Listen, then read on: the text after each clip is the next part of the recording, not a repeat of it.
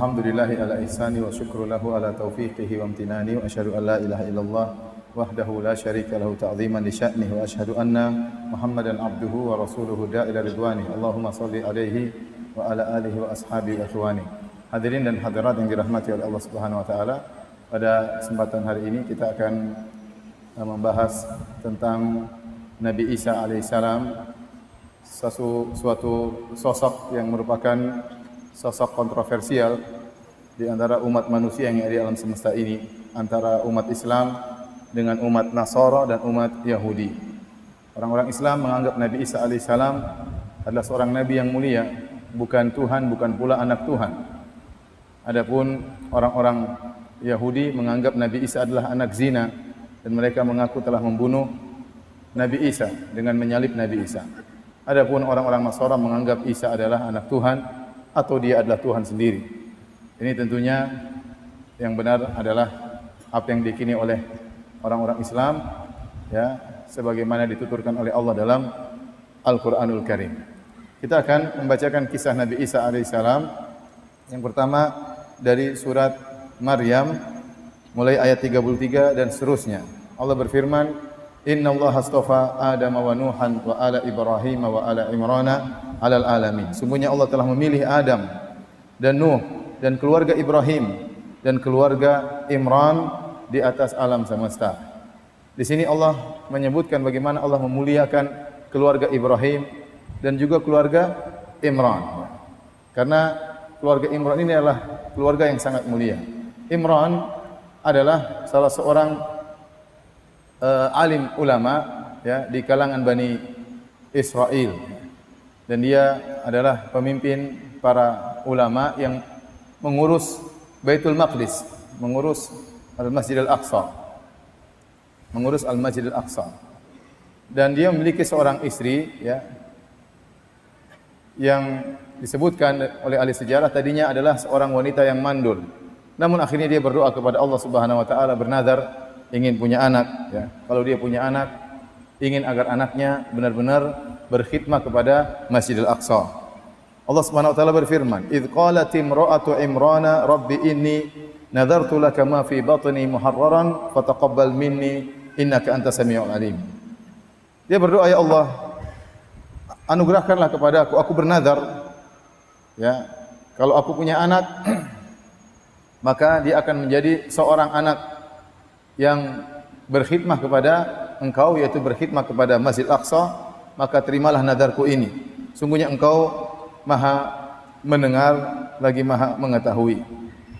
Dan dia tidak tahu isi perutnya laki atau perempuan. Dan dia sudah bernazar bahwasanya anaknya kalau laki-laki akan menjadi pengurus Masjid Aqsa. Allah berfirman, "Falamma wada'atha qalat rabbi inni wada'tuha untha." Tatkala dia melahirkan, ternyata anak yang dilahirkan bukan laki-laki, tapi perempuan yaitu Maryam, ibunya Nabi Isa alaihissalam. Qala qalat rabbi inni wada'tuha untha. Wallahu a'lamu bima wada'at. Dia berkata, "Ya Allah, sungguhnya yang aku lahirkan bukanlah anak laki-laki, tapi anak perempuan." Wallahu a'lamu bima wada'at. Kata Allah, Allah tahu apa yang dia lahirkan. Walaysa dzakaru kal untha dan lelaki tentu tidak sama dengan uh, perempuan. Kemudian dia berkata, "Wa inni sammaituha Maryam." Sungguhnya aku menamakan putriku ini dengan Maryam. Maryam menurut bahasa mereka artinya pelayan. Maksudnya melayani Masjid Aqsa yang dia abidah. Dalam makna yang lain adalah abidah itu wanita yang rajin beribadah. Wanita yang rajin beribadah karena dia khusus untuk beribadah di Masjid Aqsa. Wa inni u'idzuha bika wa dzurriyyataha minasyaitonir rajim. Dan aku memohon perlindungan kepada Engkau ya Allah ya agar melindungi Maryam dan melindungi keturunannya dari gangguan syaitan yang terkutuk. Fataqabbalaha rabbuha biqabulin hasanin wa ambataha nabatan hasanan wa kafalaha Zakaria. Akhirnya Allah Subhanahu wa taala ya, menerimanya sebagai nazar dengan penerimaan yang baik dan Allah mendidiknya dengan pendidikan yang baik dan Allah menjadikan Zakaria sebagai pengurus uh, Maryam. Jadi waktu Maryam lahir, maka ibunya segera membawa Maryam ke para pendeta atau para rahib yang ada di uh, Masjid Aqsa agar mereka yang merawat Maryam. Ya. Karena mereka rebut-rebutan, mereka bangga. Ini putri dari pimpinan kami, yaitu Imran. Imran pimpinan mereka. Ya. Kalau ada yang ingin berkorban, memberi korban kepada Tuhan, maka melalui Imran, ya. bapaknya Maryam. Maka mereka berebut-rebutan untuk mengurus Maryam. Akhirnya Zakaria mengatakan, Nabi Zakaria alaihissalam, saya yang lebih utama untuk mengurus Maryam karena saya adalah pamannya. Istri Zakaria, istri Zakaria adalah saudari dari ibunya Maryam. Istrinya Zakaria adalah saudari dari ibunya Maryam, istrinya Imran. Paham? Oleh karenanya istrinya Zakaria adalah bibinya Maryam. Maka Zakaria berkata, saya lebih utama untuk mengurus ponakan saya karena istriku adalah bibinya. Akan tapi para pendeta tersebut tidak terima. Mereka berebutan untuk merawat Maryam. Akhirnya mereka pun melakukan undian. Mereka melakukan undian. Ya, dan mereka ada apa namanya bersengketa untuk rebutan siapa yang harus merawat Maryam. Ternyata undian keluar nama Zakaria. Yang Allah sebutkan dalam Al-Qur'an, "Dzalika min amba'il ghaibi nuhihi ilaik, wa ma kunta ladaihim idh yulquna aqlamahum ayyuhum yaqulu Maryam, wa ma kunta ladaihim idh yahtasimun." Kata Allah, inilah kabar gaib yang aku ceritakan kepada engkau wahai Muhammad. Kau tidak hadir di sisi mereka tatkala mereka sedang mengundi dan kau tidak hadir tatkala mereka sedang bersengketa. Tapi Nabi Muhammad bisa menceritakan kisah ini padahal beliau tidak hadir karena wahyu dari siapa? Dari Allah Subhanahu wa taala. Akhirnya Maryam dirawat oleh Zakaria oleh uh, pamannya ya, oleh pamannya atau suami bibinya. Kemudian ya mulailah Maryam tumbuh dan uh, berkembang sampai akhirnya dia menjadi seorang wanita yang dewasa. Ya. Jadi seorang wanita yang dewasa. Kemudian tatkala dia menjadi seorang wanita yang dewasa, Maryam kemudian membuat semacam mihrab, yaitu semacam kamar khusus di Masjidil Aqsa untuk dia bisa konsentrasi ibadah di situ. Sementara Zakaria terus merawatnya, ya, membawakan makanan buat Maryam karena memang dia sudah dinadarkan untuk beribadah kepada Allah Subhanahu wa taala, tidak ada kesibukan yang lain. Jadilah Maryam wanita yang terkenal di kalangan Bani Israel, wanita yang soleha yang telah menadarkan ibunya menadarkan dirinya untuk berkhidmat kepada Masjidil Aqsa. Maka pamannya Zakaria senantiasa membawa makanan kepada Maryam. Namun ada hal yang aneh yang dialami oleh Maryam, dilihat oleh Zakaria alaihissalam. Zakaria juga seorang nabi. Ya. Dan kebetulan Zakaria tidak punya anak. Ya, dia tidak punya anak. Dia sudah tua, istrinya juga mandul. Istrinya juga mandul, makanya dia senang untuk merawat ponakannya. Ya, tidak ada anak, maka dia senang untuk merawat Maryam. Suatu hari kata Allah Subhanahu wa taala, "Kullama dakhala 'alaiha Zakaria al-mihrab, wajada 'indaha rizqa." Setiap kali Zakaria masuk di kamarnya Maryam, dia mendapati ada makanan, ada rizki di situ. Dia heran. Siapa yang ngantarin makanan ini kepada Maryam? Qala ya Maryamu anna laki hadha? Maka Zakaria bertanya, "Wahai Maryam, dari mana kau dapatkan rizki ini?" Qalat huwa min indillah. Kata Maryam ini dari Allah Subhanahu wa taala, "Innallaha yarzuqu may yasha'u bighairi hisab." Sungguhnya Allah memberi rezeki ya kepada siapa yang Dia kehendaki tanpa perhitungan. Disebutkan oleh para ahli tafsir, Zakaria heran. Dua hal yang aneh. Pertama, kok tiba-tiba ada makanan ini di kamar Maryam? Tidak ada yang mengantar karena dia yang bertanggung jawab untuk merawat Maryam. Siapa yang mengantar makanan? Yang kedua, makanannya juga aneh. Di musim panas ada buah-buah yang tidak tumbuh di musim dingin.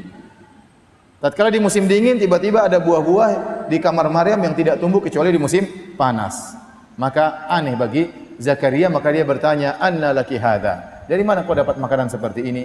Maka kemudian Maryam mengatakan, "Dari Allah Subhanahu wa taala."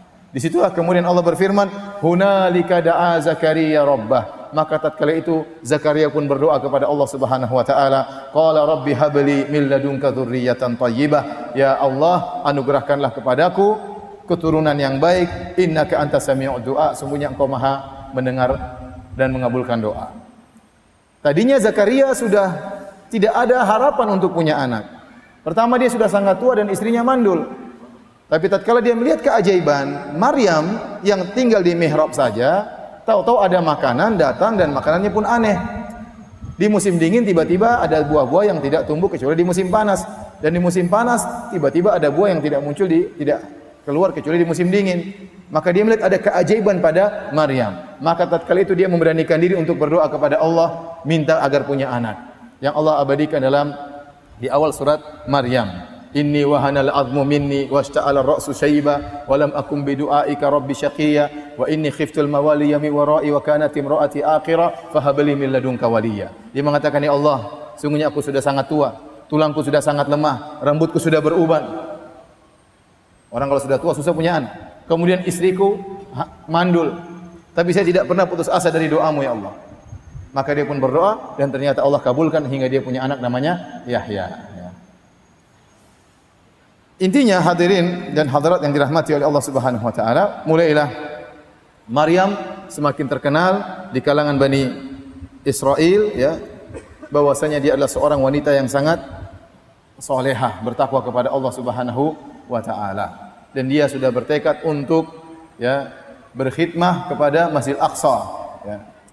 Sampai akhirnya Allah Subhanahu wa taala ingin memberi kemuliaan kepada Maryam dengan memberikan seorang anak tanpa bapak yaitu Nabi Isa alaihissalam. Allah sebutkan kisah bagaimana Maryam mengandung, bagaimana ujian yang dia alami tatkala melahirkan Nabi Isa. Allah Subhanahu wa taala berfirman dalam surat Maryam ayat 16 dan seterusnya. Kata Allah, "Wadhkur fil kitabi Maryama idzin tabadat min ahliha makanan syarqiyya." Dan sebutkanlah atau ingatlah dalam Al-Qur'an tentang kisah Maryam, ceritakan tentang kisah Maryam. Tatkala dia menjauh dari keluarganya di suatu tempat di sebelah timur Masjidil Aqsa. Itu dia ingin lebih konsentrasi.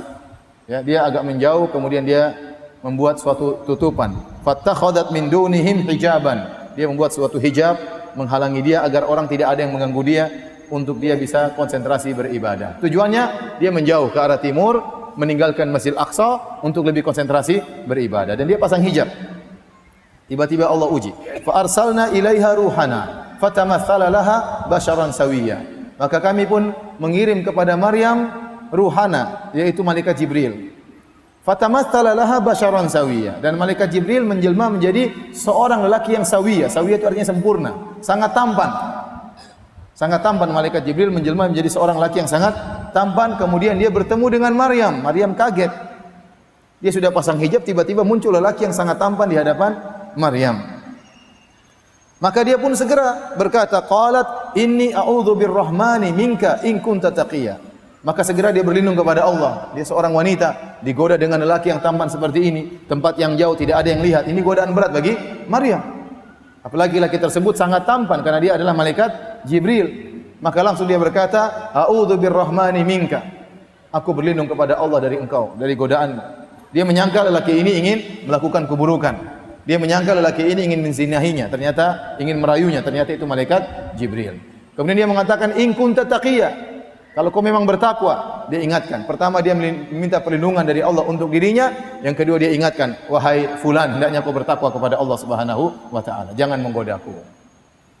Kemudian malaikat Jibril menjawab dan ini menunjukkan ya Maryam ya alaihi salam adalah seorang wanita yang suci ya wa Maryam badata Imran allati ahsanat farjaha dan Maryam yang telah menjaga kemaluannya ya wanita yang suci tidak sebagaimana tuduhan orang-orang Yahudi yang mengatakan wanita Maryam adalah wanita yang berzina dengan seorang tukang kayu sehingga lahirlah Isa alaihissalam Ya, tatkala dia digoda oleh seorang lelaki yang tampan seperti ini, dia segera berlindung kepada Allah Subhanahu wa taala bahkan dia ingatkan, bertakwalah engkau kepada Allah Subhanahu wa taala. Akhirnya Jibril pun berkata, "Qala innama ana rasulu rabbiki li ahabalaki gulaman zakiyya." Sungguhnya aku adalah utusan dari Tuhanmu untuk mengabarkan engkau akan mendapatkan anugerah seorang anak yang suci. Maryam lebih kaget lagi. Qalat anna yakunu li gulamun wa lam yamsasni basharun wa lam aku bagiya. Bagaimana aku bisa punya anak? Sementara aku tidak pernah disentuh oleh lelaki sama sekali dan aku bukanlah wanita pezina. Dan benar kata Maryam, seorang wanita tidak mungkin punya anak kecuali dengan dua cara ini. Disentuh oleh lelaki atau dia wanita pezina sehingga hamil di luar nikah. Bagaimana saya bisa punya anak kata Maryam? Wahai malaikat, bagaimana saya bisa punya anak? Tidak ada laki yang pernah menyentuhnya. Menyentuhku walam sam walam yamsasni bashar dan ini kalimat yang ini dalam Al-Qur'an. Aku tidak pernah disentuh oleh seorang laki pun. Walam aku bagia dan aku bukan seorang wanita pezina. Apa kata malaikat Jibril? Qala kadzaliki qala rabbuki huwa alayya hayyin. Demikianlah Robmu mengatakan itu mudah bagiku. Kalau ingin menghadirkan, menganugerahkan anak tanpa lelaki mudah bagi Allah Subhanahu wa taala. Walinaja'alahu ayatan linnas agar ini dijadikan sebagai bukti kekuasaan Allah. Allah bisa menciptakan manusia tanpa bapak. Wa rahmatan minna dan sebagai rahmat dari kami. Wa kana amran maqdiya dan ini suatu perkara yang sudah ditetapkan. Tidak bisa kau menghindar wahai Maryam. Kau pasti punya punya anak. Maka benarlah ya Akhirnya setelah itu Maryam pun mengandung. Allah menceritakan bagaimana Maryam tatkala mengandung. Kata Allah, "Fahamalathu fantabadat bihi makanan qasiyya." Maka dia pun mengandung. Antum bayangkan Maryam bingung apa yang harus dia lakukan. Dia dikenal sebagai wanita yang soleha, wanita yang suci. Tiba-tiba kalau pulang ke kampung tahu-tahu mengandung apa kata orang? Kalau dia bilang ini datang tiba-tiba orang nggak ada yang percaya. Mudahkan seratus saksi bahwasanya saya hamil tanpa disentuh lelaki tidak ada yang percaya zaman tidak ada yang percaya. Zaman dulu tidak percaya apalagi zaman sekarang apalagi zaman now. Siapa yang mau percaya dia punya anak tanpa disentuh lelaki? Itu bayangkan bagaimana nafsiyah Tuhan ya, bagaimana kejiwaan psikologi Maryam tatkala itu. Berat. Akhirnya waktu dia mengandung dia semakin menjauh. Takut dilihat oleh orang takut jadi bahan pembicaraan orang. Bagaimana orang tahu kalau dia dalam kondisi hamil apa kata orang kampung, apa kata keluarganya, apa kata masyarakat, apa kata pendeta-pendeta. Sementara dia dikenal sebagai wanita yang soleha. Ujian yang sangat besar bagi Maryam. Kata Allah, fahamalathu fantabadat bihi makanan qasiyya. Dia pun mengandung Nabi Isa alaihissalam. Maka dia pun pergi ke tempat yang lebih jauh lagi. Qasiyah itu jauh. Kemudian fa'aja'ah al-makhadu ila jidhi nakhlah. Tatkala dia mau melahirkan, maka dia kesakitan. Dia kesakitan. Kata para ahli tafsir terkumpul bagi dia tiga kesulitan. Pertama, ya dia kesakitan, sakit ingin melahirkan. Kemudian dia kelaparan, kemudian dia kehausan, tidak ada orang juga. Dia sakit, kemudian lapar, kemudian haus. Terpaksa dia harus mencari sesuatu untuk dia makan sementara dia sudah sangat kesakitan ingin melahirkan. Kata Allah fa aja'ahal makhadu ila jid'in nakhlah. Akhirnya rasa sakit itu mengantarkan dia untuk pergi ke apa namanya ke korma, ke pohon korma. Kemudian dia berkata, "Qalat ya laitani mitu qabla hadha wa kuntu nasiyan mansiya." Maka dia berangan-angan, seandainya saya meninggal ya, sebelum terjadinya hal ini, ini ujian berat sekali. Seandainya saya tidak dikasih ujian dengan ujian seperti ini, dia tidak bisa milih karena Allah mengatakan, "Wa kana amran maqdiya." Kau tidak bisa menghindar Maryam, kau pasti punya anak. Dia mengatakan seandainya ada pilihan, saya tidak ingin, saya ingin meninggal sebelum diuji seperti ini. Wa kuntu nasyam mansiya dan saya orang yang terlupakan, tidak ada yang sebut-sebut saya. Kenapa? Karena ujian berat yang dia rasakan kalau ketahuan orang bagaimana, apa kata masyarakat, ya. Ini perkara yang sangat memalukan. Kemudian fanada min tahtiha, tiba-tiba ada suara menyuruh kepada Maryam, "Allah tahzani, jangan kau sedih wahai Maryam. Qad ja'ala rabbuki tahtaki sariyah." Sungguhnya Rabbmu ya telah mengalirkan sungai di bawahmu. Dia haus, maka Allah alirkan sungai supaya dia bisa minum. Wa huzzi ilaiki bi jid'in nakhlati tusaqitu alayki rutaban janiyya dan goyangkanlah ya akar dari pohon korma. Niscaya akan jatuh rutop-rutop buah-buahan korma yang masih segar bisa kau makan. Akhirnya Maryam pun goyangkan apa? Akar korma maka berjatuhlah buah-buah rutop kemudian dia makan, saat itu pula dia melahirkan. Saat itu pula dia melahirkan. Hadirin rahmati Allah Subhanahu wa taala, ya. Al-Qur'an menjelaskan bahwasanya Maryam lahir tatkala ada rutop, tatkala musim rutop dan musim rutop adalah musim panas.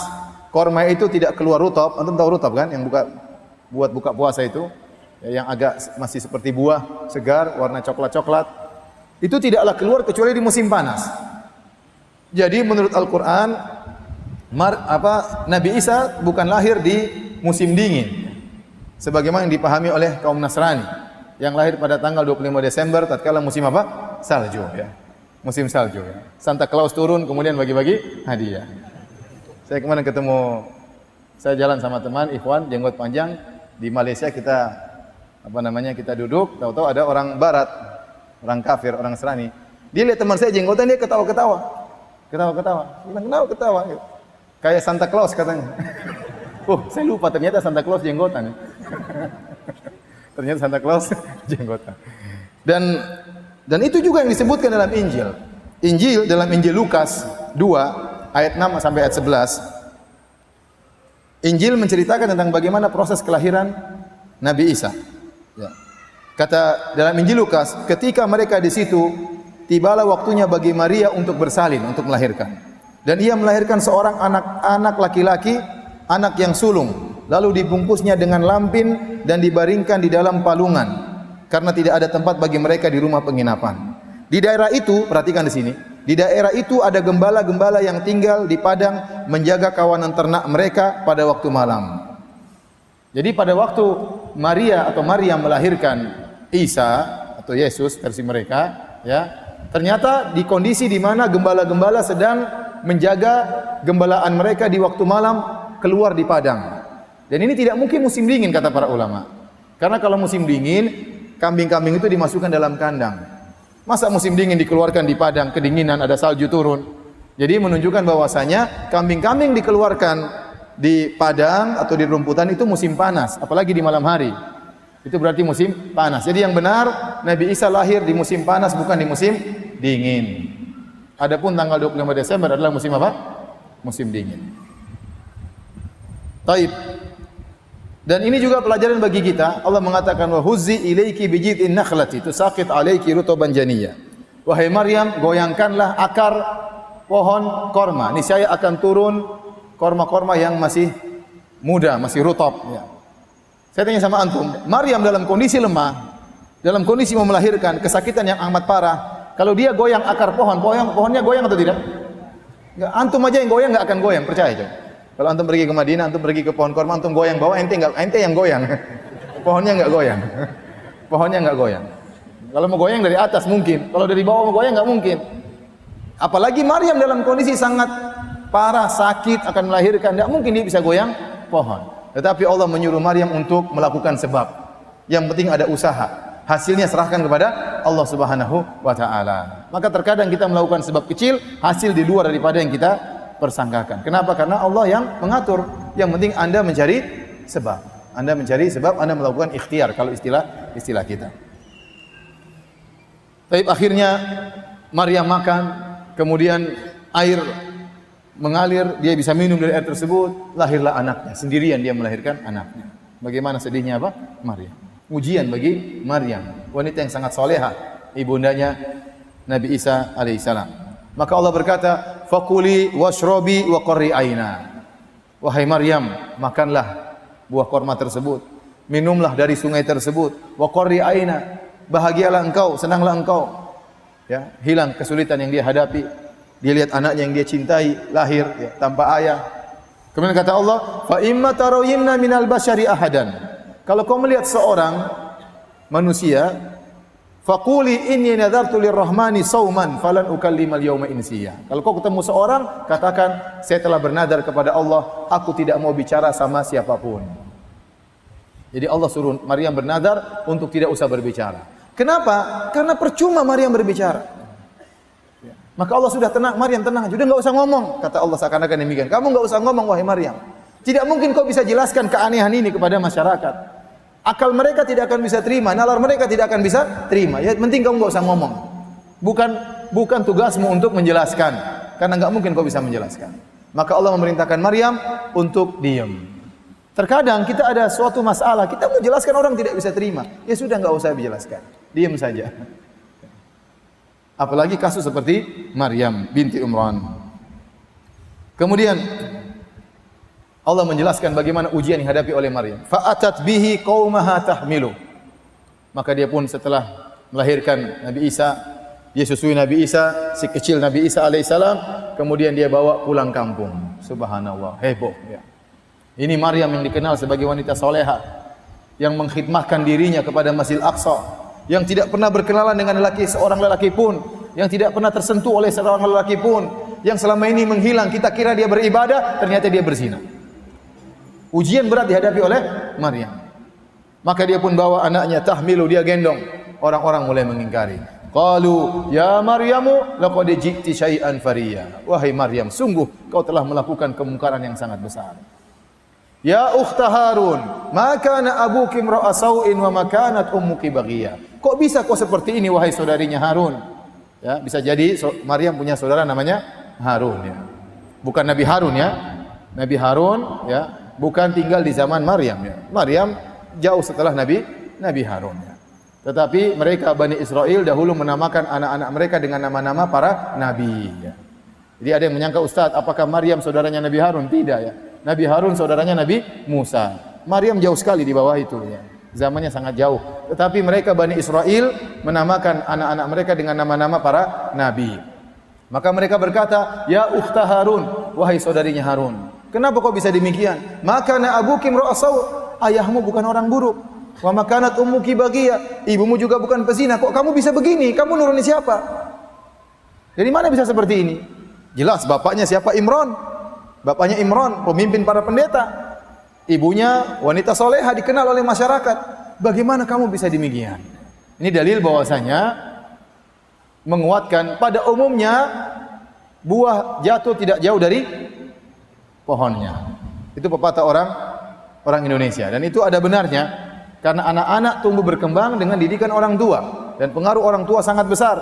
Kata Nabi SAW, Kullu mauludin yuladu alal fitrah, fa abawahu yuwahidanihi, au yunassiranihi, au yumbajisanihi. Setiap anak dilahirkan dalam kondisi fitrah. Kedua orang tuanya lah yang merubah dia menjadi Yahudi atau Nasrani atau Majusi. Pengaruh orang tua sangat besar. Kalau orang tua di rumah sering bohong, anaknya jadi nanti suka tukang bohong. Kalau orang tua di rumah sering angkat suara teriak-teriak, anaknya juga putrinya nanti kalau seorang wanita di rumah suka teriak-teriak sama suaminya, nanti putrinya juga suka teriak-teriak sama suaminya. Kalau bapaknya pelit, anaknya juga pelit. Ini pada umumnya, namun tidak harus demikian. Namun pada umumnya demikian, buat jatuh tidak jauh dari pohonnya. Kalau pepatah Arab mengatakan faman ab, faman syabah abahu fama zalam. Barang siapa yang mirip dengan bapaknya, maka dia tidak berbuat zalim. Wajar kalau dia mirip dengan bapaknya. Ya. Ada anak saya cerita sama saya, dia gibahi temannya.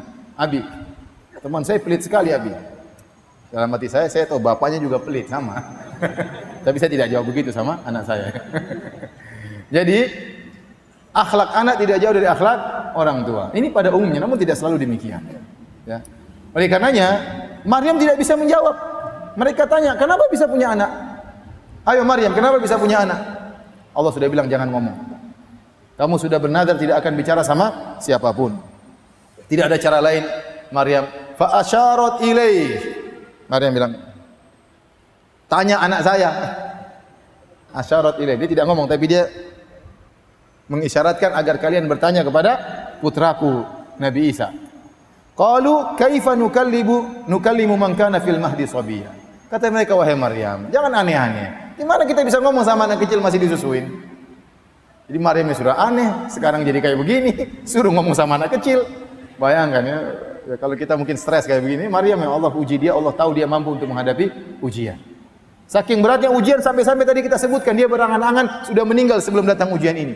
Karena dia khawatir tidak bisa menghadapi ujian yang berat, perkataan manusia, omongan manusia tentang harga dirinya.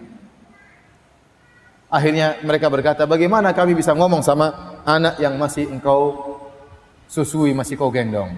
Tiba-tiba Nabi Isa berkata, ngomong Nabi Isa, Qala inni abdullah, sungguhnya aku ini adalah hamba Allah. Atani alkitab wa ja'alani nabiyya. Allah telah berikan kepadaku Injil dan Allah akan menjadikan aku seorang nabi. Wa ja'alani mubarakan aina ma kuntu dan Allah menjadikan aku berkah di mana pun aku berada, yaitu aku akan mengajarkan ilmu di mana pun aku berada. Nabi Isa adalah seorang guru di mana saja dia mengajarkan ilmu kepada murid-muridnya. Di mana pun dia berada dia berkah. Wa awsani bis salati waz zakati madum tuhayya. Dan Allah telah mewasiatkan kepada aku, merintahkan aku untuk salat dan untuk bayar zakat selama aku masih hidup. Wa barram bi walidati dan Allah telah merintahkan aku untuk berbakti kepada ibundaku ini. Walam yaj'alni jabbaran syaqiyya. Dan Allah tidak menjadikan aku seorang yang sombong, ya, orang yang angkuh dan orang yang sengsara. Wassalamu alayya yauma wulidtu wa yauma amutu wa yauma ab'atsu hayya. Dan keselamatan akan aku rasakan tatkala aku lahir, tatkala aku meninggal dan tatkala aku dibangkitkan. Benar, Nabi Isa mendapat keselamatan tatkala dia lahir. Dia tidak diganggu. Jadi semua anak diganggu setan sehingga menangis, Nabi Isa lahir dalam kondisi tidak menangis. Karena ibunya, istrinya Imran, neneknya Nabi Isa pernah berdoa, "Inni uidzuha bika wa dzurriyyataha minasyaitonir rajim." Ya Allah, aku minta perlindungan kepada Engkau agar setan tidak mengganggu putriku Imran dan agar tidak mengganggu keturunannya. Itu Nabi Nabi Isa alaihissalam. Taib. Setelah itu, apakah Nabi Isa berbicara terus? Jawabannya tidak. Menurut pendapat ulama, Nabi Isa cuma ngomong sebentar saja untuk menghilangkan tuduhan kepada Maryam bahwasanya dia seorang wanita pezina. Maka Allah menjadikan Nabi Isa bisa berbicara. Oleh karena Nabi Isa menurut pendapat yang rajih, pendapat yang kuat, ya, dipilih oleh Syaukani dan yang lainnya, Nabi Isa bukan menjadi seorang nabi sejak kecil. Keberadaan dia bisa ngomong bukan menjadikan dia nabi sejak kecil. Kalau dia jadi nabi dia sudah berdakwah masih kecil kan susah kan? sudah. Innal hamdalillah masih kecil repot. Enggak. Jadi dia bisa ngomong itu hanya untuk menghilangkan tuduhan. Setelah itu dia kembali normal sebagai anak yang biasa sampai akhirnya tumbuh dan berkembang menjadi orang dewasa baru dia diangkat menjadi seorang nabi. Makanya dia mengatakan wa ja'alani nabiyan, aku dijadikan nabi. Atani alkitab, aku diberikan Injil padahal belum ada Injilnya. Maksudnya dia mengatakan, wahai kaumku, aku akan diangkat menjadi nabi. Aku akan diberikan Injil oleh Allah Subhanahu wa taala. Aku akan dijadikan berkah oleh Allah sehingga mengajari masyarakat di mana pun aku aku berada. Dan ini antara mukjizat Nabi Isa yang kata para ulama tidak terdapat dalam Injil. Saya belum cek tapi saya baca tadi pernyataan ulama di antara Ibnu Qayyim rahimahullahu taala Nabi Isa berbicara sejak kecil itu tidak terdapat dalam Injil. Ini menunjukkan bagaimana Quran memuliakan Nabi Isa lebih daripada Injil. Lebih daripada Injil. Kemudian Allah sering berkata dalam Al-Quran, Ya Isa bin Maryam, Ya Isa bin Maryam, wahai Isa putri Maryam, wahai Isa putra Maryam, wahai Isa putra Maryam. Tapi kalau antum dapati dalam Injil, Injil Lukas, Injil apa namanya eh, Yohanes uh, atau Injil yang lainnya, Antum mendapati mereka sebutkan silsilah nasab Nabi Isa. Disebutkan dalam buku-buku dalam buku Injil bahwasanya Nabi Isa itu lahir dari Maryam yang suaminya namanya Yusuf An-Najjar. Sehingga kalau disebut nasabnya Yesus bin Yusuf bin Hali. Ada Yusuf, Yesus bin Yusuf bin Yakub. Jadi disebutkan nasab Nabi Isa sampai kepada Nabi Daud. Islam tidak. Ya. Islam tidak bahwasanya Maryam lahir tanpa ayah, lahir tanpa ayah dan tidak ada hubungannya dengan Yusuf An-Najjar. Tidak ada. Maryam tidak pernah dilamar oleh Yusuf ya, An-Najjar, apalagi menikah dengan Yusuf, apalagi punya anak dari Yusuf, tidak ada. Aneh dalam Injil disebutin nasabnya Nabi Isa. Isa bin Yusuf bin Yakub bin bin bin bin sampai bin Daud. Ini dibantah oleh para ulama Islam bahwasanya Maryam tidak sama sekali menikah dengan Nabi eh, dengan Yusuf. Dan lihat bagaimana Islam memuliakan Nabi Isa untuk menghilangkan tuduhan bahwasanya Maryam berzina dan menunjukkan kehebatan Nabi Isa bisa lahir tanpa ayah. Itu dalam Al-Qur'an. Dalam Injil tidak malah disebut punya bapak. Disebut punya punya bapak. Kalau perhatikan ternyata nasabnya sangat jauh berbeda. Injil satu mengatakan mungkin sampai Nabi Daud entah 30 bapak, yang ini lebih banyak lagi, mungkin 40 bapak. Ya. 40 apa? Kakek. Jadi memang kontradiktif di di situ. Satunya mengatakan Yesus bin Yusuf bin Halid. Satunya Yesus bin Yusuf bin Yakub. Ya beda, kakeknya sih sudah beda. Ke atasnya lebih beda, beda lagi. Ya. Jadi kita tahu ternyata Al-Quran sangat memuliakan Nabi Nabi Isa lebih daripada Injil memuliakan Nabi Nabi Isa alaihi salam. Kemudian di antara bantahan para ulama, aturan dari orang-orang Bani Israel kita tahu bahwasanya Nabi Yakub punya 12 anak. Asbat disebut dengan asbat. Sibet sibet sibet sampai 12. Nabi Yusuf dan saudara-saudaranya. Di antara ada Yahuda, di antara ada Lawi. Nah, Maryam ini berasal dari keturunan Nabi Harun alaihissalam sampai ke Lawi. Adapun Yusuf An-Najjar dari keturunan Nabi Daud alaihissalam. Dan dalam aturan Bani Israel tidak boleh satu sibet nikah dengan sibet yang lain. Jadi kalau Yusuf harus nikah dengan wanita dari keturunan dia itu, dari keturunan sibet ini. Jadi mereka ada 12 apa? 12 nenek moyang. 12 suku lah. Ya. Satunya salah satunya suku Yusuf, Nabi Yusuf alaihissalam. Nanti suku, Yahuda, suku siapa, suku siapa, suku siapa dan seterusnya. Ya. Jadi secara aturan tidak mungkin, tidak mungkin Yusuf berani melamar Maryam karena secara keturunan mereka berbeda dan tidak boleh dalam aturan Bani Israel satu sibet suku menikah dengan suku yang lain meskipun sesama Yahudi. Jadi ini menguatkan bahwasanya Maryam melahirkan Nabi Isa tanpa bapak dan ini mukjizat Nabi Isa alaihissalam. Taib. Maka Allah berfirman, "Dzalika Isa bin Maryam, qaulul haqqi alladhi fihim yamtarun." Itulah Nabi Isa bin Maryam. Perkataan yang benar yang mereka perselisihkan tentang siapa hakikat Nabi Isa. Maka lillahi ayattakhidha min waladin subhana. Allah tidak pernah punya anak. Allah tidak pernah mengambil anak. Ya, seandainya Allah punya anak, anak tersebut memang harus disembah. Makanya Allah mengatakan, "Qul in kana lirrahmani walad fa ana awwalul abidin." Katakanlah kalau Allah punya anak, aku yang pertama kali sembah anak tersebut. Ya. Karena anak mesti mirip dengan bapaknya. Kalau ternyata Nabi Isa anaknya Allah, harusnya sifat-sifat anak sama seperti bapaknya. Tidak makan, tidak minum, maha kuasa, tidak tidur, tidak capek, tidak istirahat, tidak takut. Itu sifat-sifat Tuhan. Ternyata Nabi Isa tidak seperti bapaknya kalau memang itu anaknya bapaknya. Dan Nabi Isa bukan anak dari Allah Subhanahu wa taala. Maka benar kata Allah, kalau memang Isa Allah punya anak, maka anaknya harus diibadahi juga. Karena pasti sifat anaknya seperti sifat apa? Bapaknya. Namun kita dapati ternyata Nabi Isa sifatnya jauh dari dari Allah Subhanahu. Berarti dia bukan anak Allah Subhanahu wa taala. Kata Allah, "Ma kana lillahi ayattakhidha waladin subhanah." Allah tidak mungkin punya anak, Maha suci Allah Subhanahu wa taala. Idza qada amran fa inna ma yaqulu lahu kun fayakun. Adapun Isa lahir tanpa bapak, tidak melazimkan dia anak Tuhan. Bagi Allah mudah sekali menciptakan anak tanpa bapak. Idza qada amran, kalau Allah menghendaki sesuatu tinggal berkata kun fayakun. Maka Allah menyebutkan yang lebih aneh daripada Nabi Isa, itu Adam. Inna masala Isa indallahi kamathali Adam. Sungguhnya perumpamaan Isa sama seperti Adam, mudah bagi Allah. Khalaqahu min turab, Allah ciptakan Nabi Adam dari tanah, Allah tinggal bilang kun fayakun. Mudah bagi Allah untuk menciptakan Nabi Adam tanpa ayah, tanpa ibu, apalagi Nabi Isa cuma sekedar tanpa tanpa ayah. Mudah bagi Allah. Kalau Nabi Isa mau jadi Tuhan, Adam juga harusnya jadi jadi Tuhan. Alaihissalam.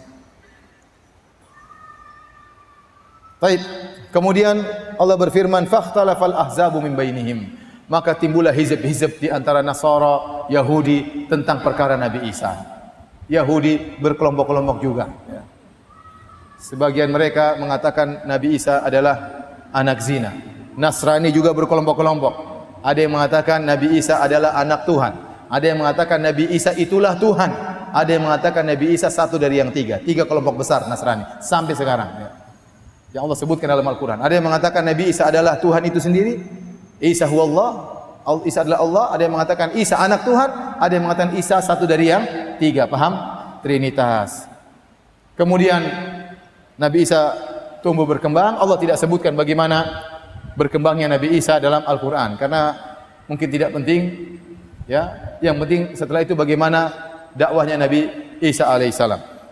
Maka di antara dakwah yang disampaikan Nabi Isa kepada orang-orang Yahudi. Nabi Isa konsentrasi untuk mendakwahi penyimpangan-penyimpangan yang dilakukan orang Yahudi. Mereka terjerumus dalam kesyirikan, mereka menganggap Uzair adalah putra Allah, mereka apa namanya melakukan hal-hal penyimpangan, maka Nabi Isa nasihati mereka.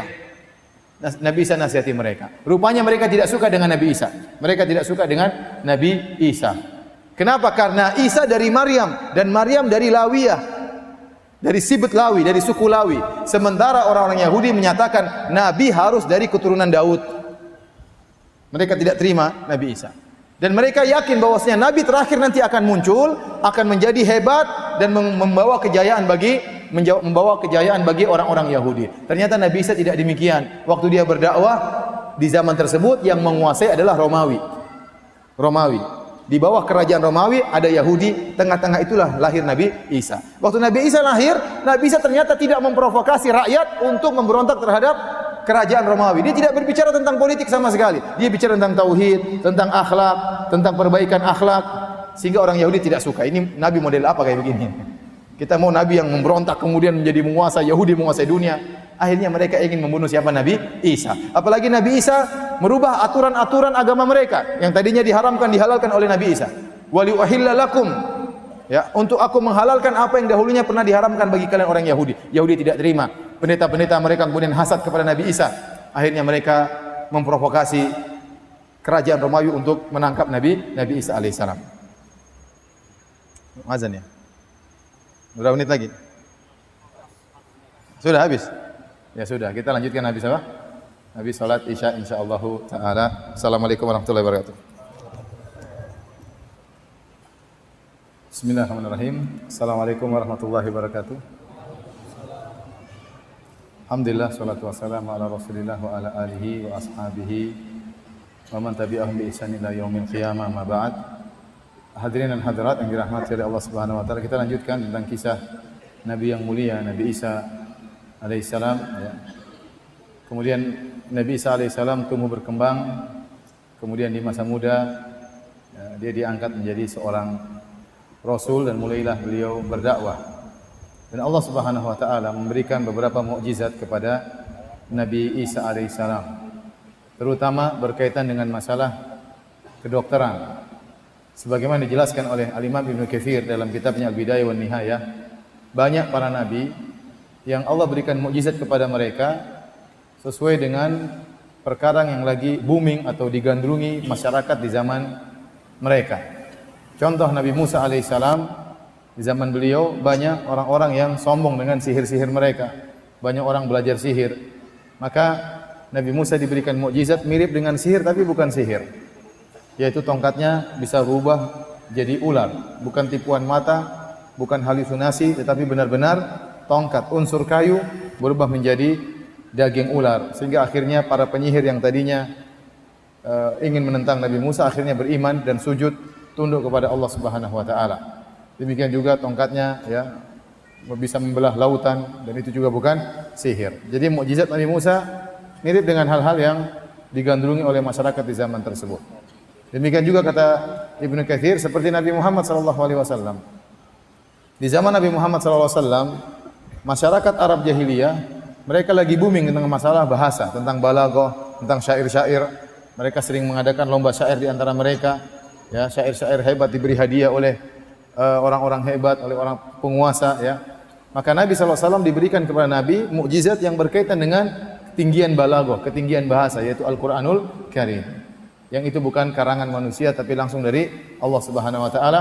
Sehingga orang-orang yang pandai syair tatkala mendengar Al-Qur'an mereka tahu itu bukan karangan manusia tapi itu datang dari Rabbul Alamin. Demikian juga menurut Ibnu Katsir yang berkaitan dengan Nabi Isa alaihissalam di zaman Nabi Isa banyak orang yang gandrung tentang masalah pengobatan, lagi booming masalah pengobatan. Maka Allah Subhanahu wa taala memberikan mukjizat kepada Nabi Isa yang berkaitan dengan masalah pengobatan. Allah berfirman, Nabi Isa berkata, "Wa rasulan ila bani Israil, anni qad ji'tukum bi ayati min rabbikum, anni akhluqu lakum min at-tini ka hay'ati at-tayri fa anfukhu fihi fayakunu tayran bi idznillah." Aku adalah rasul kepada Bani Israel. Jelas Nabi Isa diutus kepada Bani Israel, tidak kepada umat yang lain. Dan aku telah datang kepada kalian dengan mukjizat dari Robku, dari ayat, suatu tanda kebesaran Robku. Di mana aku menciptakan dari tanah, aku ciptakan semacam burung, lalu aku tiupkan, maka jadi burung beneran, terbang. Kemudian, wa ubri'ul akmaha wal abrasa biidnillah. Aku menyembuhkan orang yang buta, diusap oleh Nabi Isa, kemudian tadinya buta sejak lahir, tiba-tiba bisa melihat. Orang terkenal abros, abros itu penyakit sopak yaitu yang berwarna-warni ya, albino kata orang. Itu pun sembuh diusap oleh Nabi Isa. Lebih daripada itu, wa uhyil mauta biiznillah. Aku bisa menghidupkan yang mati. Ada orang meninggal dihidupkan oleh Nabi Isa, semuanya dengan izin Allah Subhanahu wa taala. Ini semua ya mengungguli ilmu kedokteran yang ada di zaman tersebut. Nabi Isa mukjizatnya luar luar biasa. Jangankan orang sakit jadi sembuh, orang mati bisa hidup hidup kembali. Di antara mujizat beliau, wa unabbiukum bima ta'kuluna wa ma fi buyutikum. Aku bisa mengabarkan kepada kalian tentang ilmu gaib, apa yang kalian makan tadi malam, apa yang kalian makan tadi siang, tadi pagi, apa yang kalian simpan di rumah kalian. Padahal Nabi saya tidak pernah ke rumah ke rumah mereka, ya. Inna fi dzalika la ayatan lakum in kuntum mu'minin. Sungguh pada yang demikian itu ada tanda-tanda kebesaran Allah bagi orang-orang yang beriman. Jadi Nabi Isa datang dengan mukjizat. Sehingga mulailah sebagian orang Yahudi masuk Islam. Bani Israel mulai mulai masuk ikut ajaran Nabi Isa alaihissalam. Namun sebagian Yahudi menentang, ya. Mereka tidak percaya kepada Nabi Isa alaihissalam. Menurut mereka Nabi Isa anak zina.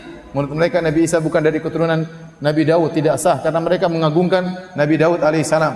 Menurut mereka Nabi terakhir harus dari keturunan Nabi Daud sehingga akhirnya mereka mengingkari Nabi Isa. Terlebih lagi Nabi Isa tidak pernah berbicara tentang kekuasaan yang dia bicarakan adalah agama, adalah tauhid, kemudian masalah perbaikan akhlak sehingga mereka semakin benci kepada Nabi Isa alaihi salam. Akhirnya mereka pun membuat makar, mereka sering merayu kerajaan Romawi untuk menangkap Nabi Isa, tapi kerajaan Romawi tidak mau tangkap Nabi Isa karena tidak ada kesalahan Nabi Isa. Akhirnya mereka melakukan tipuan, mereka mengatakan Nabi Isa mengaku sebagai raja Yahudi dan akan melakukan pemberontakan dan yang lain dan lainnya. Akhirnya Yahudi bekerja sama dengan orang-orang Romawi akhirnya menangkap Nabi Isa. Menurut versi Islam dalam Al-Qur'an, Nabi Isa ditangkap ya, ditangkap dengan bantuan orang-orang Yahudi beserta tentara Romawi. Namun Nabi Isa tidak disalib dan tidak dibunuh. Allah membantah perkataan orang-orang Yahudi. Wa qawlihim inna qatalna al-masiha Isa bin Maryam wa rasulullah dan perkataan mereka yang mengatakan inna qatalnal masiha Isa bin Maryam Rasulullah. Sungguh kami orang Yahudi telah berhasil membunuh Isa putranya Maryam yang seorang rasul utusan Allah. Ya. subhanallah. Orang Yahudi ini bejatnya luar biasa. Di antara hobi mereka adalah membunuh nabi. Ya. ada nabi yang tidak sesuai dengan selera mereka mereka bunuh. Coba kalau antum diutus ke suatu kaum pengajian yang hobinya bunuh ustaz mengerikan Ustadznya enggak selera dibunuh, mengerikan. Yahudi di antara kebrengsekan mereka, bejatnya mereka, mereka hobinya bunuh nabi. Ya. Allah ulang-ulang dalam Al-Qur'an, wa anbiya. Ya. Mereka suka membunuh para nabi. Di antaranya mereka mengaku membunuh Nabi dan mereka ingin bunuh memang. Mereka ingin bunuh Nabi Nabi Isa. Maka mereka bangga, bangga mereka. Inna qatalnal Masiha Isa bin Maryam, Rasulullah. Kami telah berhasil membunuh Isa bin Maryam, utusan Allah. Bayangkan, sudah tahu itu utusan Allah mereka bunuh. Allah bantah, "Wa ma qataluhu wa ma salabuhu walakin syubbiha lahum." Mereka tidak pernah membunuh Nabi Isa, mereka tidak pernah menyalib Nabi Isa, tapi ada orang yang disurupakan kepada Nabi Isa. Itu yang mereka tangkap, itu yang mereka salib, itu yang mereka bunuh. Kata Allah, "Wa ma qataluhu yaqina." Mereka sebenarnya tidak yakin kalau telah membunuh Nabi Isa. Bar rafa'ahu Allahu ilaihi, tapi Allah telah angkat Nabi Isa. Allah selamatkan Nabi Isa. Ini versi Islam. Nabi Isa selamat, tidak dibunuh oleh mereka, ya, diselamatkan oleh Allah Subhanahu wa taala, diangkat ke langit, dan akan turun nanti menjelang hari kiamat. Akan turun menjelang hari kiamat untuk menyelesaikan segala kontroversial tentang dirinya. Dia akan jelaskan saya seorang nabi. Dia akan turun menjalankan syarat Nabi Muhammad SAW. Hidup kalau tidak salah tujuh tahun. Kemudian meninggal dunia. Kemudian dikuburkan sebagaimana nabi-nabi yang lain. Sehingga jelas bahwasanya yang benar Nabi Isa bukanlah Tuhan dan bukan juga anak zina, ya. Sebagian pernyataan Yahudi, tapi dia seorang nabi yang mulia yang dimuliakan oleh orang-orang Islam. Ya. Hadirin hadirat yang dirahmati oleh Subhanahu wa taala. Ini versi Islam. Adapun versi Nasara atau versi Injil maka berbeda-beda ya. Injil Barnaba mengatakan bahwasanya Nabi Isa ya waktu mau ditangkap maka ada seorang yang diserupakan dengan Nabi Nabi Isa, diserupakan ya. Kemudian dialah yang ditangkap ya, dialah yang ditangkap. Dikenal dengan Yudas Iskariot atau Yahuda Iskariot. Yahuda Iskariot. Ya. Dan Injil-Injil lain juga menyatakan demikian. Ada berapa versi di antara Injil-Injil. Jadi Injil itu banyak ya. Tapi banyak Injil yang tidak dianggap. Di antara Injil Barnaba yang dianggap Injil Lukas, Matius, Yohanes, ya. Banyak Injil Barnabas tidak dianggap, Injil ini tidak dianggap. Dan kalau antum perhatikan Injil, Injil itu tidak seperti Al-Qur'an. Kalau Al-Qur'an kan langsung Qul ya ayyuhal kafirun, qul huwallahu ahad. Tapi kalau antum perhatikan Injil, itu seperti hadis-hadis kalau versi kita. Jadi Yohanes, Lukas, Matius sedang menceritakan tentang riwayat kehidupan Nabi Isa. Seperti hadis seperti kita. Jadi bukan seperti khitabnya, bukan pernyataannya bukan langsung dari Allah. Adapun Al-Qur'an tidak, langsung Allah yang berfirman.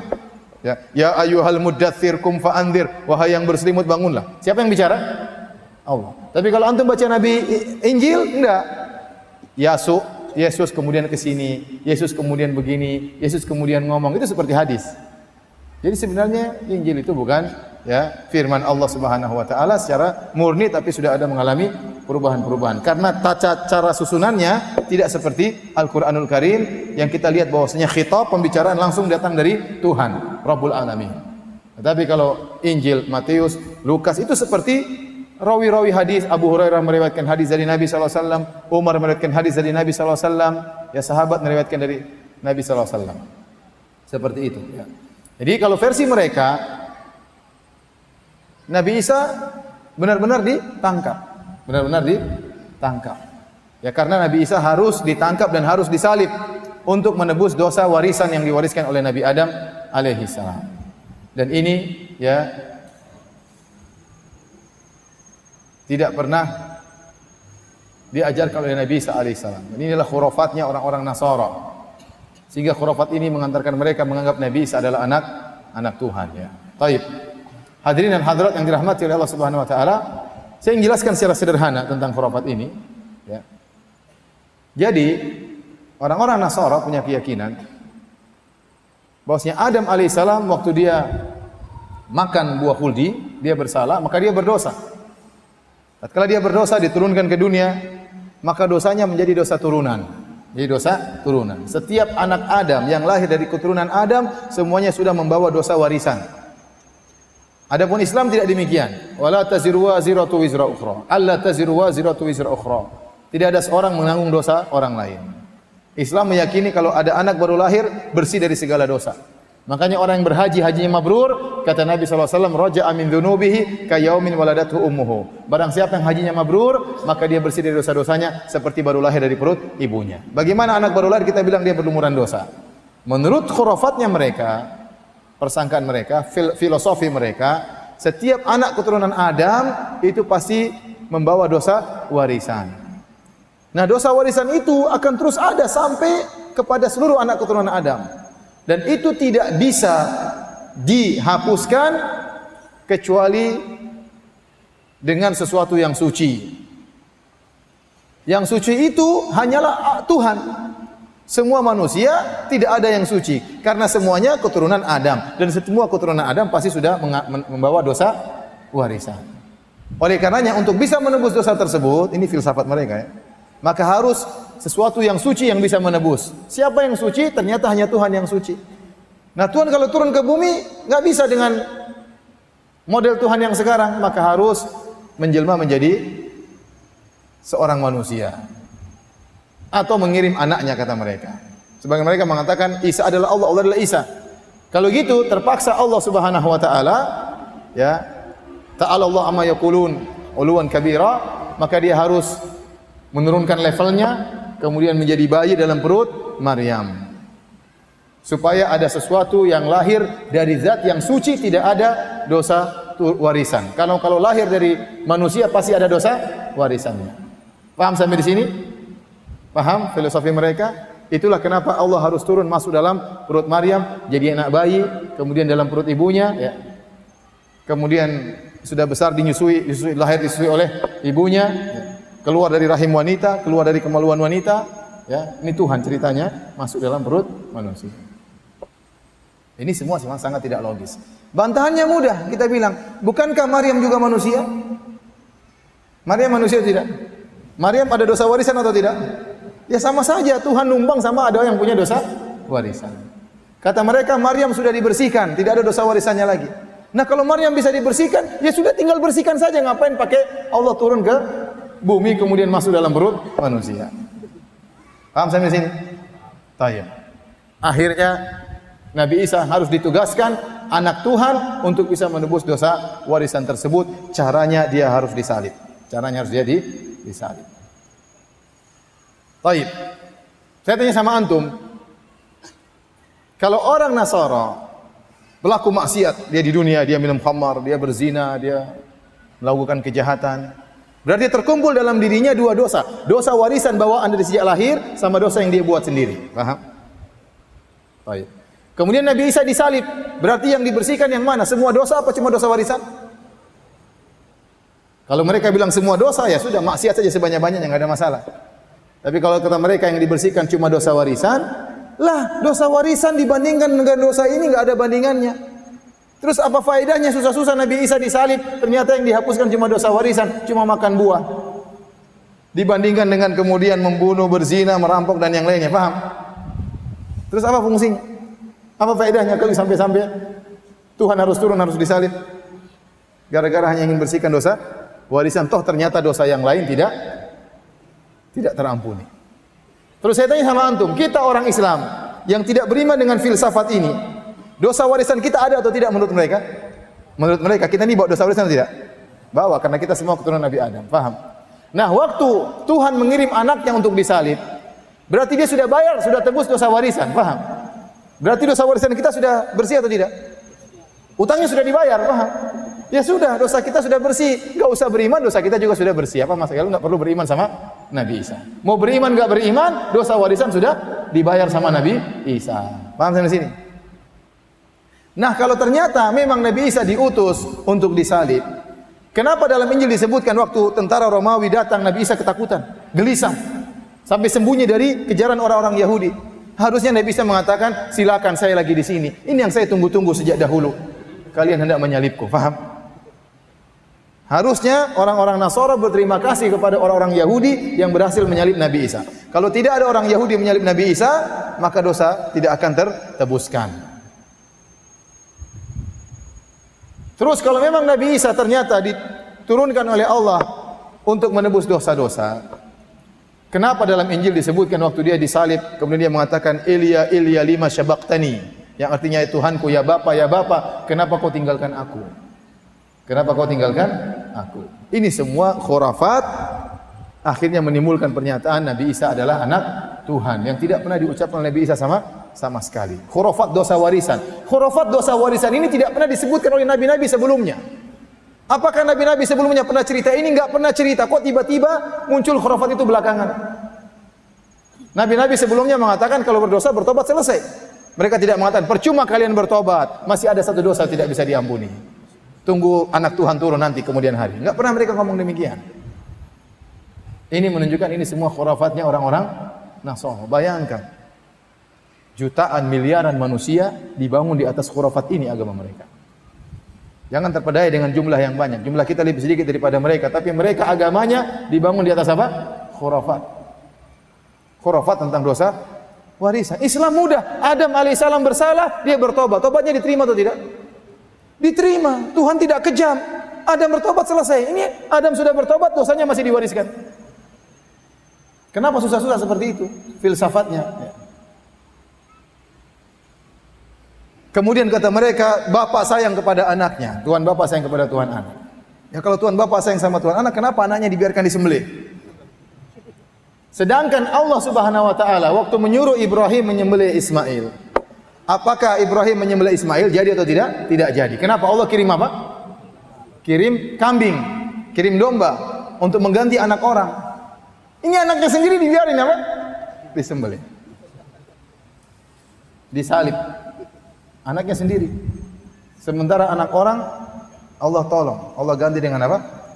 Kambing. Apakah itu sayang bapak kepada anak? Jawabannya tidak. Ya ikhwan ini semua khurafat. Kasihan mereka, antum harus ada dai yang menyuruh kepada mereka. Saudara-saudara kita yang masih terjerumus dalam khurafat seperti ini. Harus ada dai yang menjelaskan kepada mereka, ini khurafat yang yang menyebabkan mereka terjebak dengan pemikiran seperti ini. Timbul pertanyaan, dari mana ini semua datang? Ternyata kalau antum baca semuanya khurafat ini, filosofi ini datang dari Paulus. Siapa Paulus itu? Dalam Injil itu namanya Rosailur Rusul. Ada risalahnya Paulus, surat-surat Paulus yang Paulus tulis. Siapa Paulus ini? Paulus ini bukan muridnya Nabi Isa, bukan juga murid-muridnya Nabi Isa. Dia bukan sahabat, dia bukan juga tabi'in. Paham? Dia ini seorang Yahudi yang memusuhi Bani Israel. Dia paling benci kepada Masihiyin, paling benci kepada pengikut Nabi Isa. Bahkan dia sebutkan dalam risalahnya, dia selalu menyiksa orang-orang pengikut Nabi Isa. Sampai suatu hari dia berjalan dengan tujuan untuk menyiksa Bani Israel, pengikut Nabi Isa, tiba-tiba Tuhan Yesus datang mengangkat dia sebagai seorang rasul. Jadi akhirnya dia angkat supaya dia menjadi naik jadi rasul, Yesusnya harus jadi Tuhan, paham? Begitu logika dia.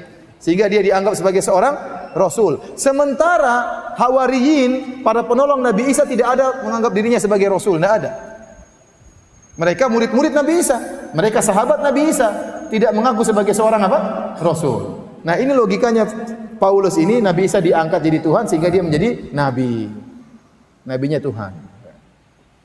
Dan aneh, baru ada sejarah Nabi seperti ini. Antum baca seluruh sejarah Nabi. Dari Nabi Adam sampai Nabi Muhammad SAW. Apakah ada Nabi asal muasalnya penjahat kemudian tiba-tiba jadi Nabi? Tidak ada. Paulus ini sedang penjahat ya. Dia ingin suka membunuh orang pengikut Nabi. Dia sebutkan sini dalam dalam Injil dia sebutin. Dan dia sedang berjalan ingin menyiksa Bani Israel tiba-tiba diangkat menjadi Tuhan. Tidak ada sejarah seperti ini. Ya. Allah menyebut tentang Nabi Yusuf, Allah angkat jadi nabi. Kenapa? Dia dahulu adalah orang yang baik. Kadzalika najzil muhsinin. Demikian kami beri balasan kepada orang yang baik. Dalam ayat banyak. Demikian kami beri balasan kepada orang yang baik sehingga kami angkat dia menjadi seorang nabi. Kami angkat dia sebagai seorang rasul. Kenapa dia orang baik? Ini sekarang enggak, karena dia penjahat. Maka kami angkat dia menjadi seorang rasul. Ini semua tidak logis. Alhamdulillah, antum tahu nikmat Islam, ya nikmat akidah, antum tidak menyembah manusia, antum tidak menyembah nabi, antum tidak menyembah malaikat, antum tidak menyembah jin, yang antum mencipta, yang antum sembah adalah pencipta alam semesta. Maka kita bersyukur kepada Allah Subhanahu wa taala di atas nikmat Islam. Baik, para hadirin Allah Subhanahu wa taala, jadi dalam Islam Nabi Isa tidak meninggal, tidak disalib, dia diangkat, barrafa'ahullahu ilai, Allah angkat ke arah Allah yaitu ke atas. Ya, ada yang mengatakan dia berada di langit kedua karena siap untuk turun tatkala menjelang hari kiamat.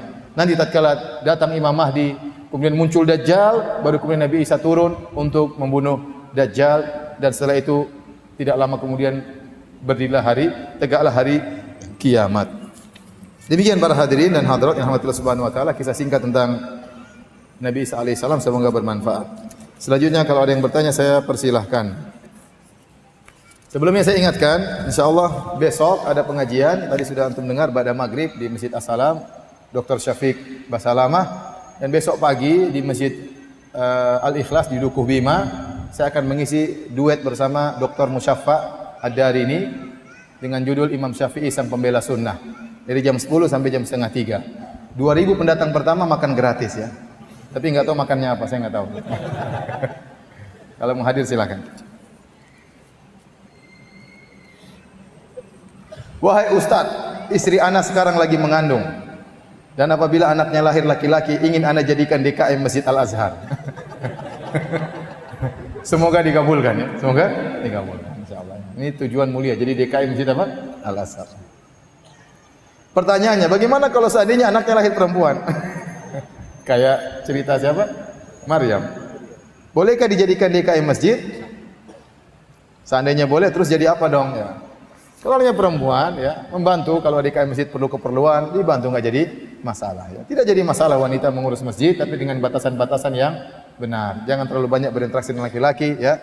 Ya, selama bisa menjaga hubungan yang baik antara ya laki dan wanita tidak melanggar batasan-batasan maka tidak mengapa jadi pengurus masjid. Misalnya DKM bagian kewanitaan, boleh-boleh saja. Bagian urusan kewanitaan, boleh-boleh saja.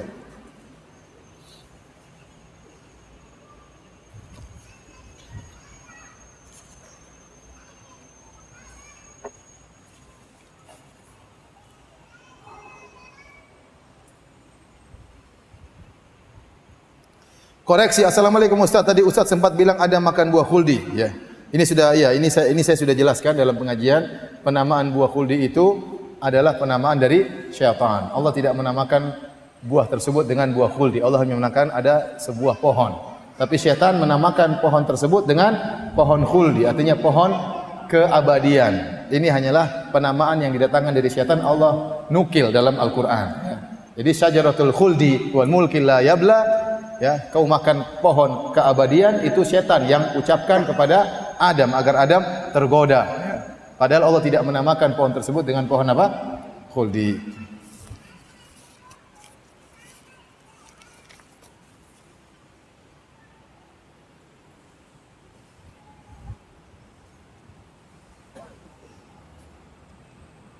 Ustaz, anak ingin bertanya, dalam Al-Quran dikatakan setiap yang bernyawa pasti mati. Nah, yang saya ingin tanyakan, apakah Nabi Isa sudah mati atau belum? Jawabannya belum. Ya. Nanti dia akan meninggal, dia turun, kemudian hidup seperti normal, tujuh tahun kalau nggak salah, baru kemudian apa? meninggal. Baru kemudian meninggal untuk membuktikan dia bukan Tuhan. Dia bukan Tuhan. Oleh karenanya di antara bantahan kepada Nasara terutama menganggap Trinitas atau Isa adalah Tuhan, Tuhan adalah Isa. Kita tanyakan waktu Allah menjadi bayi dalam perut Maryam selama sembilan bulan, siapa yang ngurus alam semesta? Siapa yang ngurus alam semesta? Sementara dia saja butuh butuh asupan gizi dari rahim ibunya. Pertanyaan kedua, menurut keyakinan mereka Nabi Isa benar-benar disalib, benar-benar dibunuh. Setelah itu dikuburkan. Dikuburkan, digalek, kubur, dikubur. Setelah itu setelah beberapa hari jasadnya hilang, ternyata Nabi Isa bangkit kembali. Jadi ini pertanyaan sangat membuat banyak orang masuk Islam. Di Saudi banyak orang Filipin masuk Islam gara-gara pertanyaan ini. Saya ngobrol sama seorang dai Filipin, dia bilang di antara hal yang buat mereka banyak banyak masuk Islam gara-gara pertanyaan ini. Kita tanyakan kepada mereka, waktu Nabi Isa mati dan dia harus mati supaya bisa nebus. Kalau nggak mati nggak bisa nebus, ya nggak?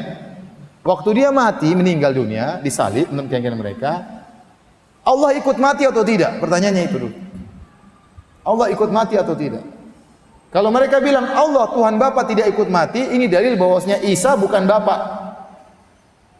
Pecahlah, gugurlah teori Trinitas. Kalau mereka bilang Tuhan tidak mati, Bapak tidak mati, yang mati cuma Nabi Isa, berarti Tuhan anak bukan Tuhan Bapak. Berarti tidak ada hubungannya. Anaknya mati, bapaknya masih hidup. Kalau mereka bilang Tuhan Bapak juga ikut mati, waduh gawat. Yang hidupkan siapa kalau begitu? Kalau dia lagi mati siapa yang ngurus alam semesta? Oh, iblis lagi senang waktu itu ya. Menguasai dunia, mumpung mati jangan hidup lagi. Ini pertanyaan membuat orang banyak masuk Islam. Akhirnya ikhwan, kasihan saudara-saudara kita yang terjebak dengan filsafat atau filosofi Nasara, filosofinya Paulus yang sangat tidak logis, yang sangat tidak tidak logis.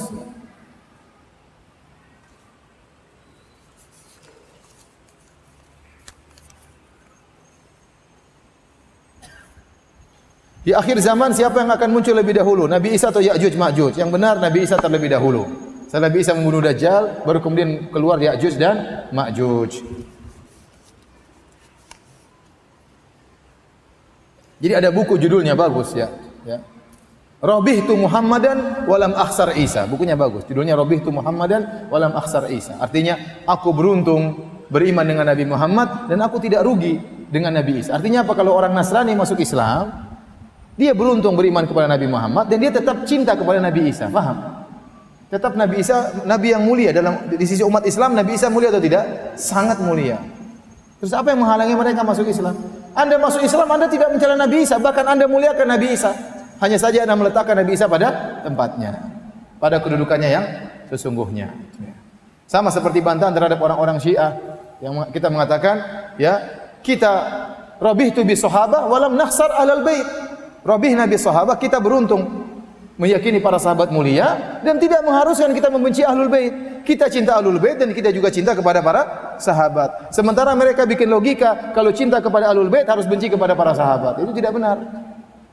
Paham? Orang Syiah membuat logika kalau cinta kepada ahlul bait harus benci kepada para sahabat. Sama orang Nasrani punya logika kalau cinta kepada Isa sebagai Tuhan harus benci kepada Muhammad. Kita bilang orang Islam, kita cinta kepada Nabi Muhammad dan juga cinta kepada Nabi Isa. Kita cinta kepada sahabat, cinta juga kepada alul bait, tidak ada kontradiksi.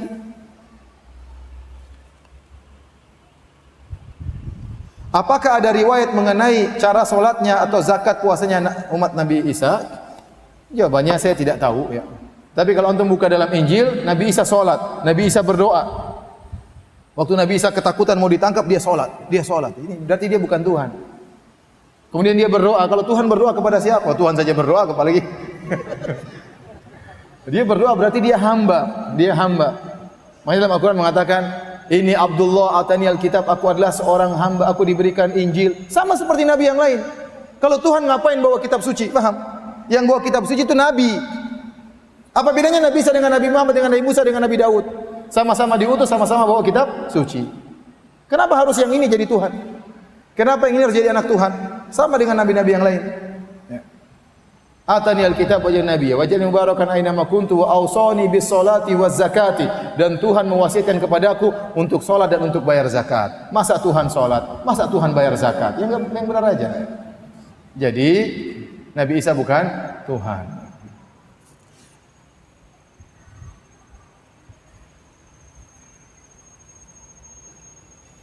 Anak pernah tanya, anak pernah dengar bahwa anak itu lahir fitrah beragama Islam dan yang menjadikannya Yahudi, Majusi, Nasrani adalah orang tuanya karena kurang mendidiknya. Kakak saya saat berusia dewasa akibat dari pernikahan dia murtad ikut agama suami. Jadi kakaknya murtad ikut agama suami.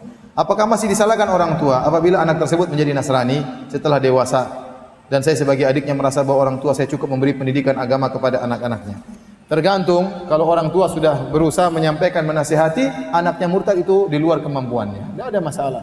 Ya. Yang penting dia sudah nasihati. Yang penting dia tidak ikut andil dalam mendukung pernikahan tersebut. Ya. Nabi Nuh anaknya juga apa? Kafir. Nabi Nuh istrinya juga kafir. Nabi Lut istrinya juga kafir. Dia sudah dakwah sudah. Ya. Yang penting kita punya hujah di hadapan Allah. Kalau Allah bertanya, kenapa putrimu jadi murtad, kita bilang sih kita sudah berdakwah ya Allah. Saya sudah tegur, saya sudah kirim surat, saya sudah kirim ustaz, ya, tapi dia tetap tidak kembali. Itu berarti hidayah di tangan Allah Subhanahu wa taala. Tetapi anti sebagai adik atau anta, antum sebagai adik jangan pernah putus asa. Kasih syubhat sama kakak antum. Ya, cerita.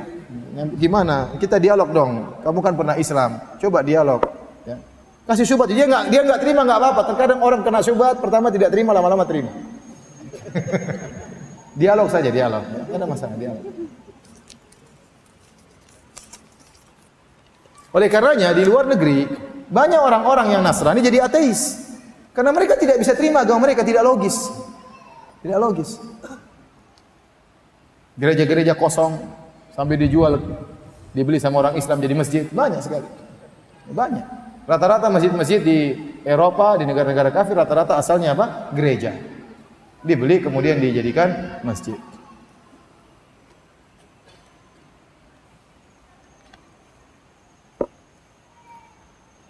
Saya dapat informasi dari Google, wis. Google sih kok kah? Tadaif. Bahwasanya Injil Barnabas ditemukan di Turki, kemudian diterjemahkan seluruh bahasa. Injil Barnabas tidak diakui oleh mereka.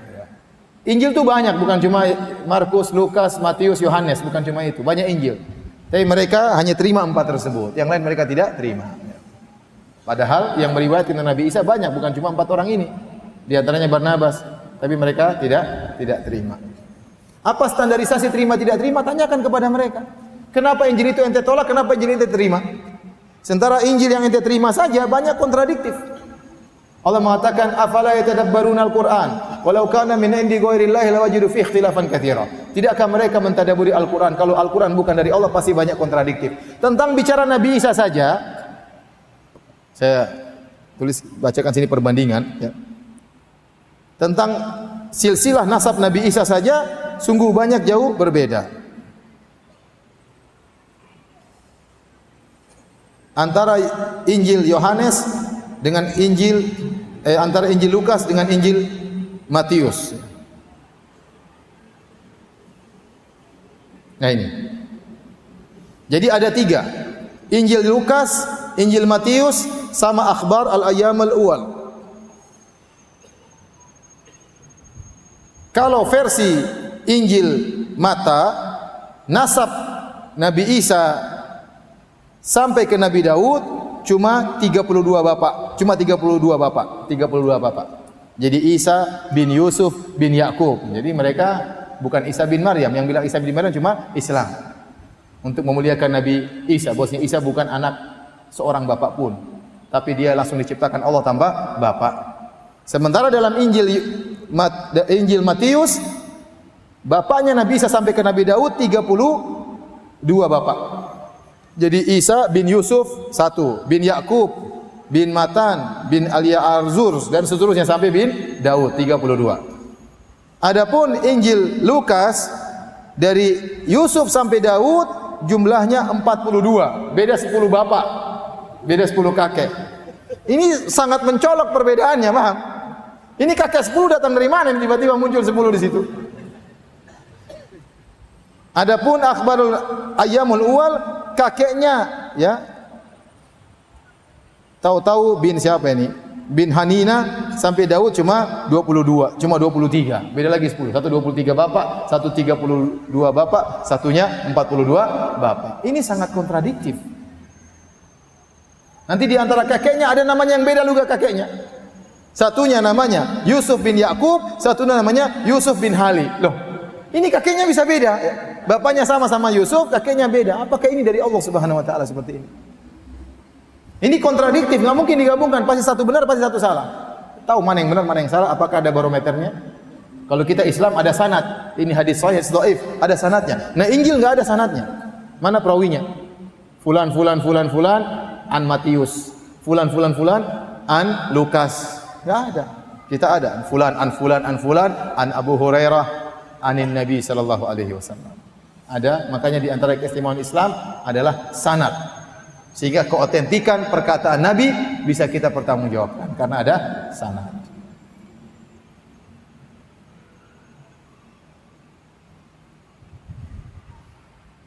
Ustadz, apa itu perkumpulan al-irsyad? Bagaimana cara daftar? Anak ingin jadi anggotanya. Al-Irsyad hanyalah organisasi sebagaimana Muhammadiyah, sebagaimana NU, sebagaimana Persis. Organisasi perkara duniawi yang kita tunggangi atau kita tumpangi untuk bisa berdakwah lebih mudah. Karena di Indonesia harus ada payung hukum, ya. Kalau kita untuk mengumpulkan kawan-kawan, kita mungkin buat draft fatwa atau mungkin ada kegiatan-kegiatan butuh payung tersebut. Itu hanya sebagai sarana. Kalau payungnya rusak ya kita ganti payung yang lain ya. Paham? Payungnya rusak kita buang payung tersebut. Daripada bikin payung baru, payung yang ada dipakai saja. Itu saja intinya. Ya, kita tidak membangun rasa cinta dan rasa benci di atas organisasi irsyad. Kalau kita bangun benci dan cinta di atas organisasi, itulah hizbiyah yang dibenci. Kalau kamu tidak ahli irsyad berarti musuh, kamu ahli irsyad berarti kawan. Itu salah seperti itu. Islam tidak mengajarkan demikian. Antum tidak usah masuk ahli irsyad enggak ada masalah. Yang penting ikut pengajian. Tidak harus masuk al tapi sekedar sarana. Saya juga kurang tahu cara mendaftarnya gimana, saya nggak tahu. Antum tanya sama orang-orang al irsyadnya.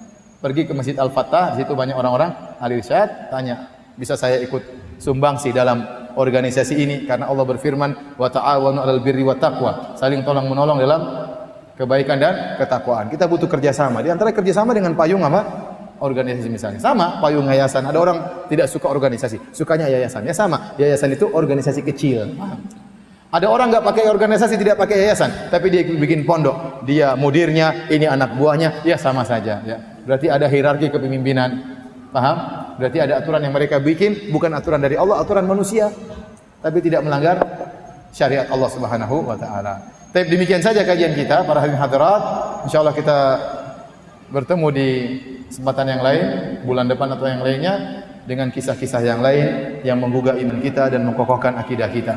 Demikian wabillahi taufiq wal hidayah. Assalamualaikum warahmatullahi wabarakatuh.